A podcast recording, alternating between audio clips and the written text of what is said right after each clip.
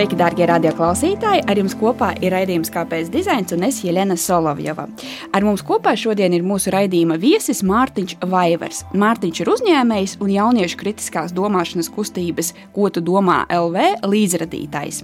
Mīļie klausītāji, mēs šodien runāsim par sarežģītu, bet svarīgu tēmu - viltus ziņu dizainu. Diskutēsim gan par to, kādas dizaina kļūdas vēsturiski esam pieļāvuši, gan to, kā tās varam šodien vai nākotnē risināt. Sveiks, Mārtiņ! Sveiki, Jēn! Izstāsti lūdzu mums mazliet vairāk, kāpēc tev rūp šī tēma un kāda ir bijusi tava saskare ar to? Varētu teikt, ka liela daļa no manas dzīves ir tāda, ka mēs agrāk, pirms uh, mazliet mazāk kā desmit gadiem, Latvijā nodibinājām tādu organizāciju, ko tu domā LV. Un mērķis vispār bija Latvijas jauniešiem un skolotājiem attīstīt viņu kritiskās domāšanas, mēdī pratības spējas. Un šo tēmu es diezgan daudz saskāries. Tā tēma kļūst tikai vairāk un vairāk aktuāla. Daudz esmu veiksmīgi un neveiksmīgi darbojies šīm problēmām. Un, nu, vispār man šķiet, ka jebkuram pilsonim būtu jāuztraucas par šīm problēmām. Viltus ziņas kā tādas bez šaubām nav nekas jauns, un šķiet, ir eksistējušas tikpat ilgi, kā eksistējusi pati cilvēce. Vienlaikus nu, tas, ko manuprāt mēs skaidri varam novērot, ka līdz ar tehnoloģiju attīstību pātrinās arī šo ziņu cirkulācijas ātrums. Un tā vien šķiet, ka jo plašākas ir mūsu tehnoloģiju iespējas, jo par lielāku problēmu kļūst eh, viltus ziņas. Vai es varu aicināt tevi apkopot domas par 2022. gadu, kur mēs šobrīd esam un kāda ir situācija ar viltus ziņām, tavuprāt? Ziniet, neiebilst, es mazliet tā kā pamainīšu to terminu, jo es zinu, ka tiek bieži izmantots tas termins viltus ziņas, bet man šķiet, ka ir eh, kaut kā produktīvāk domāt par, manuprāt, nu, tādām trim dažādām problēmām. Uh, kas vispār saistīts ar informāciju. Nu, kā, mūsu mērķis ir vienkārši būt izglītotiem, informētiem pilsoņiem. Mēs patērējam informāciju, mēs gribam eh, saprast, kas pasaulē notiek un eh, pieņemt labus lēmumus. Ir trīs virzieni. Pirmais ir tas, ka, ko es saucu par tādiem kā negodīgajiem filtriem. Uh, Kad mēs saskaramies ar informāciju, piemēram, sociālos tīklos vai kaut vai Latvijas radio, mums ir tāds instinkts domāt, ka mēs saskaramies ar tādu godīgu, reprezentatīvu pasaules atspoguļojumu. Bet patiesībā mums jau ir izfiltrēta informācija, un mēs saskaramies ar vai nu automātiski vai kāda cilvēka kūrētu eh, mazu informācijas izlasi. Otra problēma, kas liekas svarīga, ir tas, ka šī jau kūrētā mazā informācijas daļiņa, ar kuru mēs saskaramies, Bieži mums patīk domāt, ka mēs saskaramies tikai ar ziņām un faktiem.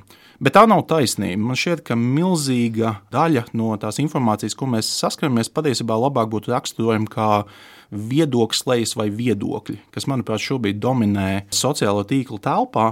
Un patiesībā par pasauli, par zinātni, par datiem, par to, kas tiešām notiek Ukrajinā, medicīnas sistēmā, Latvijā, mēs uzzinām diezgan maz. Mēs pārsvarā peldamies tādā kā viedokļu zupā, kur jūs uzzināt, ko domā Jeļena, jūs uzzināt, ko domā Mārtiņš, bet vai jūs tiešām esat uzzinājuši par to faktiem un ziņām, kas notiek? Tā, manuprāt, ir liela problēma. Un trešā, manuprāt, īstenībā vismazāk svarīgā no šīm problēmām ir viltus ziņas. Maza proporcija no tām ziņām patiesībā nav patiesas. To mēs šobrīd, piemēram, Krievijā redzam simtprocentīgi, ka cilvēkiem vienkārši tiek melots. Viedokļu zupa ir tas, ko es no tevis sacīju, tā piefiksēju kā pašu pirmo. Bet, skatoties nedaudz pagātnē, spēja izplatīt jebkāda veida informāciju bez šaubām, laika gaitā ir mainījusies. Un, ja mēs tā skatāmies pavisam dziļā pagātnē, vai nesākot ar iespiedu presi, turpinot ar jaunāko laiku mēdījiem, radio, TV un mūsdienās, protams, sociālie tīkli, tas viss ir pakāpeniski attīstījies. Un to visu kāds ir radījis un dizainējis bez šaubām. Vai tev nāk prātā kādas arī pagātnes izteiktas kļūdas, dizaina kļūdas, kuras mēs esam pielaiduši, ignorējuši? un par kurām varbūt mēs arī šobrīd maksājam. Ar visām trijām manas minētajām problēmām nekad pasaulē nav bijusi ļoti laba situācija. Vienmēr ir bijusi problēma to, ka tu sasniedz dabūt tikai mazu gabaliņu no visas informācijas. Vienmēr bijusi problēma, ka tu saskaries šiem viedokļiem. Eh, bet nu, ir kaut kādas unikālas lietas, kuras eh, nu, ir mainījušās tieši pāris desmit gadu laikā.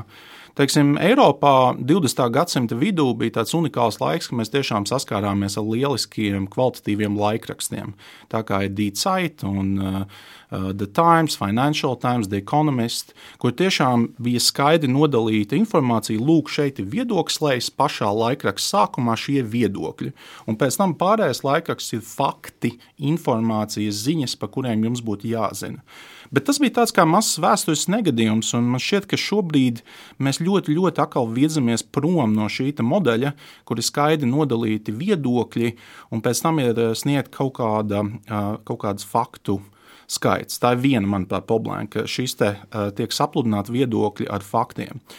Otra lieta, ja mēs padomājam par kaut kādām televīzijas frekvencēm, kaut vai pirms 20 gadiem, vienmēr bija uh, kanāls numur viens, kas ir sabiedriskais mēdījis.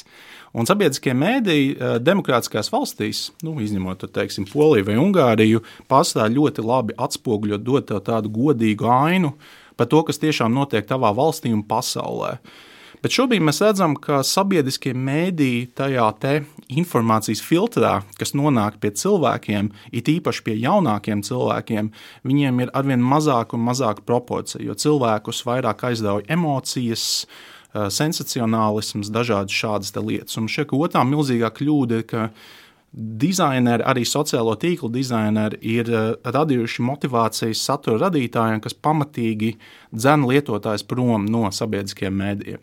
Izklausās, ka lielākā daļa no problēmām ir satura veidotāja pusē. Vai kaut kāda ir atbildība arī šī satura uzņēmēja pusē?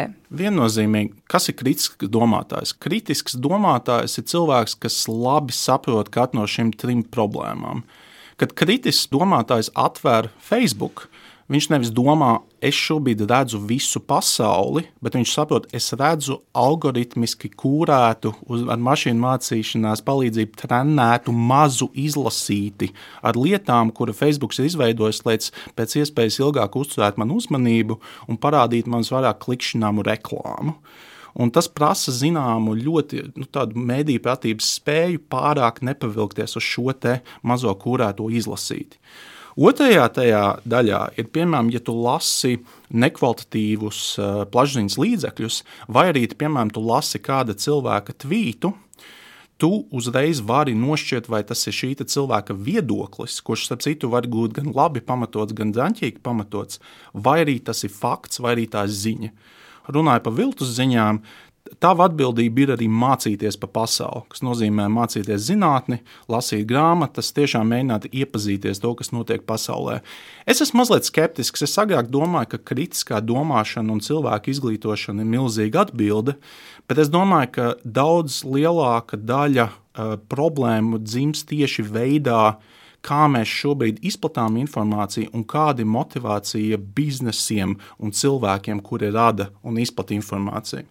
Vai Mārtiņš, redzi kādu gaismu tuneļa galā, respektīvi, ja mēs pārējām no problēmām pie varbūt kādiem potenciāliem risinājumiem, kas tev nāk prātā, kā mēs varam izkļūt ārā no šīs, kā tu minēji, viedokļu zupas? Kā piemēru paņemsim uh, Instagram. Instagrams uh, šobrīd neļauj tev redzēt uh, informāciju, ko tev sniedz cilvēki, kuriem tu seko chronoloģiskā veidā, vai arī tas neļauj tev viegli izvēlēties šo iespēju. Tas pats arī ar Twitter, tas pats ar Facebook, tas pats ar Spotify, ir rekomendācijām, piemēram, un tā tālāk.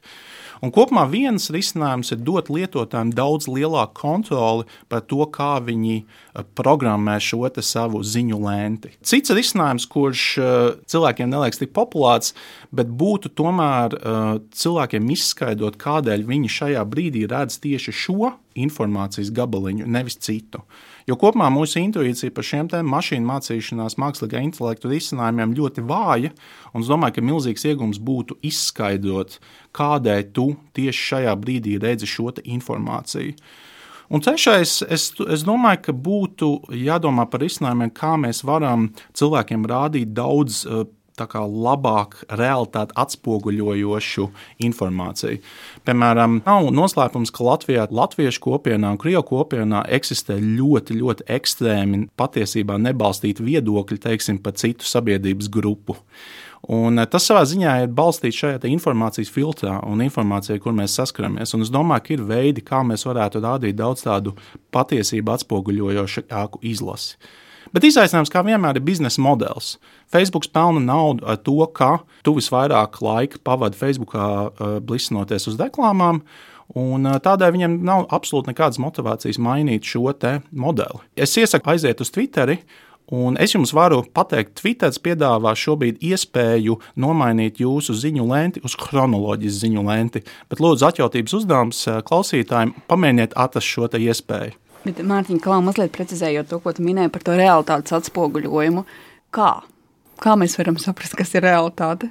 Vēsturiski, manuprāt, ir trīs veidi, kur tiešām realitāte tiek labi atspoguļot. Viens ir tas, ka daudzās Eiropas demokrātijās eksistē tiešām ļoti spēcīgi sabiedriskie mēdīji, kuru pienākums ir pēc iespējas godīgāk un uh, korektāk atspoguļot realitāti. Es īstenībā domāju, ka Latvijā arī ir ļoti spēcīgs sabiedriskais mēdījis. Tas būtu tātad uh, dizainis mēģināt pievērst pēc iespējas vairāk informāciju tam. Otrs ir uh, eksistē nu, kvalitatīvāki plašsaziņas līdzekļi. Pasaulē droši vien tie ir tādi The Economist, Financial Times, Washington Post. Latvijā tas droši vien būtu žurnāls ir. Un eh, tad ir jādomā par veidiem, kā radīt priekšnosacījums, lai Facebookam, un TikTokam un citiem sociālajiem tīkliem ir finansiāla motivācija vairāk rādīt šādus risinājumus. Eksperimenti notiek. Redzamākais eksperiments būtu, ka lietotāji paši maksātu par sociālo tīklu izmantošanu. Bet eksistē arī citas lietas, teiksim, valsts kā regulators varētu piespiest sociālos mēdījus darīt šīs lietas, kas ir iespējams gan Latvijā, gan Eiropas Savienības līmenī. Kāpēc dizains?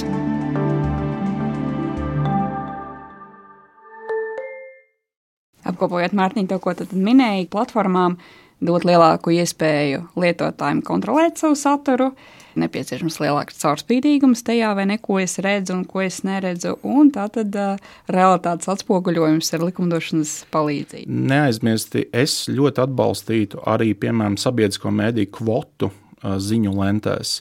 Es gribētu, lai tad, kad tu atver savu TikTok vai, vai Facebook vai ko tādu, kaut kāds procents, piemēram, nezinu, 10% vismaz būtu šis sabiedriskā mēdīņa saturs. Es saprotu, ka autoritārās valstīs tas nekādā veidā nepalīdz, vai nezinu, Krievijā, Ķīnā, vai pat Ungārijā vai Polijā, jo tur sabiedriskie mēdīji ļoti vāji. Bet kopumā demokrātijās un pat ASV ir diezgan spēcīgi sabiedriskie mēdīji, kas varētu vismaz šajā viedokļu zupā eh, nodrošināt vismaz kaut kādu minimālo daļu ar patiesību, ar pasauli korekti atspoguļojušu informāciju. Vai tev, Mārtiņ, ir kāds komentārs tieši kontekstā ar Latviju, vai mēs ar kaut ko esam specifiski vai vai viss ir tieši tāpat kā citvietā pasaulē? Mums ir tāda mazliet interesanta situācija. Tā primitīvi sakot, mums ir divas eh, sabiedrības grupas - jaunieši un nejaunieši. Jaunieši būtībā simtprocentīgi visu savu uh, informāciju iegūst no uh, sociālajiem mēdījiem. Viņi gan arī būtībā neabonē presi, viņi neskatās īpaši televizoru. Ir vecāki cilvēki, kas vairāk abonē presi, daudz vairāk skatās uh, televizoru, mazliet skatās arī YouTube un tādas uh, lietas.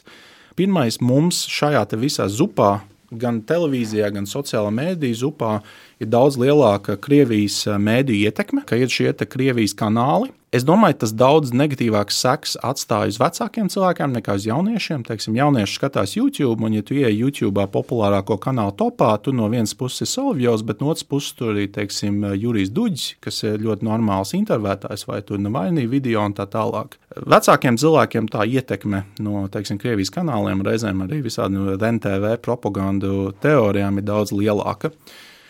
Mums ir spēcīgs sabiedriskais mēdījis, kas ir ļoti labi, jo viņš tajā viedokļu informācijas zupā tur peld, bet, izņemot, manuprāt, žurnāli ir un reizēm Delfus, mums ir ļoti vāji privātie mēdīji, kas ir mazliet citādi nekā kādās attīstīgākās rietumu demokrātijās. Tur nav šī propagandas eh, Krievijas kanāla, Tur ir spēcīgs sabiedriskais mēdījis, un tur ir spēcīgāki šie privātie mēdīji. Lai gan es nemainu faktu, ka tur arī ir pilns ar visādām konspirāciju teoriju muļķībām. Vienkārši mums tās proporcijas ir vājas.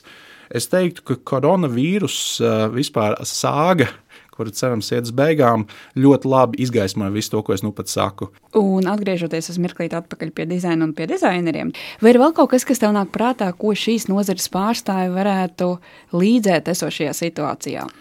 Man ir tāds sapņu projekts, ko es neesmu realizējis, bet kaut kad ļoti gribētos realizēt. Um, es daudz runāju par to informācijas pusi, bet tu pareizi teici, liela atbildība ir arī informācijas patērētāju pusē.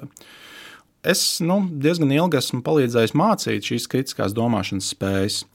Un ideālais scenārijs apmēram šāds.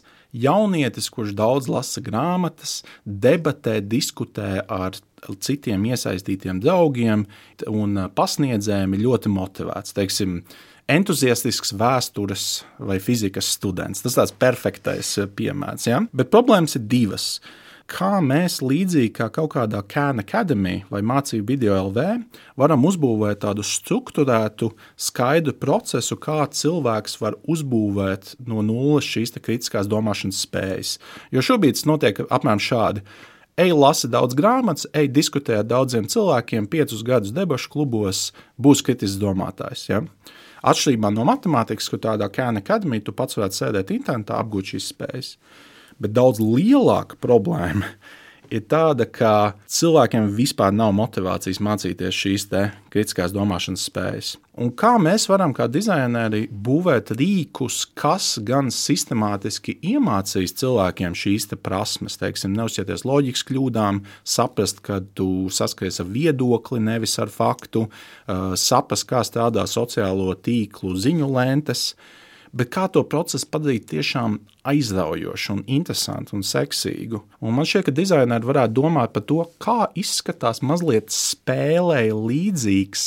Aizraujošs, sistemātisks process, vai rīks, vai platforma, kurā mēs varētu ielikt, piemēram, 14-gadīgu jaunieti un 20 gadu vecumā izspļaut eh, kritisku domātāju veids, kā, manuprāt, mācās kritisko domāšanu, mācās pieredzēt. Tu vienkārši ieraugi ļoti daudz dažādas scenārijas, kur kāds saka muļķības, un tās muļķības ir dažādas. Reizēm tu ir apgalvojums bez uh, faktiem, kas pamato apgalvojumu. Reizēm nepareizi tiek izmantot statistika. Reizēm kāds izliekas, ka viņš saka faktu, bet patiesībā viņš ieliek viedokļu vārdus. Tā kā Jeļena bezskaunīgi man intervē. Ja? kas it kā ir fakts, bet bezskaunīgi ir mans viedoklis, kas uzkabināts pa virsmu. Un mums vajadzētu kaut kā cilvēkiem rādīt šos daudzos scenārijus, Un tad arī dot tādu labu atgrieznisko saiti, kur cilvēks saka, nē, ja Jēna bezskaunīgi man intervē, patiesībā ir fakts, bet tad mums jādod atgriezniskā saite, nē, tu kļūdies, jo tur ir arī viedokļa elements. Un man šķiet, ka mēs neesam izveidojuši sistēmu, kā to labi mērīt, kā iedot šo atgrieznisko saiti, es domāju, tā tehniski neslīdzinām sarežģītāka problēma. Klausoties tevī, man uzreiz arī ir uzbūrusies aina ar kaut ko ārkārtīgi sarežģītu un droši vien tehniski interesanti atrisinātu, bet tāpat laikā es atcerējos arī tādu, ko domā iniciatīva kā spēle populists. Kā jums veicās ar šo projektu? Pats nebija tas cilvēks, kas būvēja spēli populists. Varu vienkārši atgādināt, kas tas bija citi, ko tu domā, aktīvisti. Viņi izveidoja tādu kā galda viesību spēli, kurā cilvēki var izteikt apgalvojumus. Un, daļa no viņiem var teikt labi pamatotas, argumentētas apgalvojumus, un daži no viņiem var teikt muļķības. Un pie galda kāds ir populists. Bet neviens īsti nezina, kurš ir populists. Un tad spēles ideja ir mēģināt atrast, kurš ir tas noslēpies populists, metot tās kārtas galdā. Šeit ir mazliet spēles elements, lai padarītu to jautru. Uz dažādām kārtīm ir uh, noslēpta dažādas metodes, kā maldināt cilvēkus. Un tad tev jāizmēģina šīs metodes. Daudzās balītēs ir gājis ļoti jautri, daudzās skolās ir gājis ļoti jautri spēlēt šo spēli. Bet jautājums, kā to padarīt par kaut ko daudz lielāku un sistemātiskāku, lai nav tā, tā nav tikai tāda viesība aktivitāte, bet kaut kas, ko tu tiešām izmērāmi vari sasniegt. Noslēgumā, Mārtiņš, tev gribēja vēl vienu lietu pavaicāt. Mēs parunājām ar tevi gan par pagātni, gan par esošo situāciju, gan par iespējamiem risinājumiem.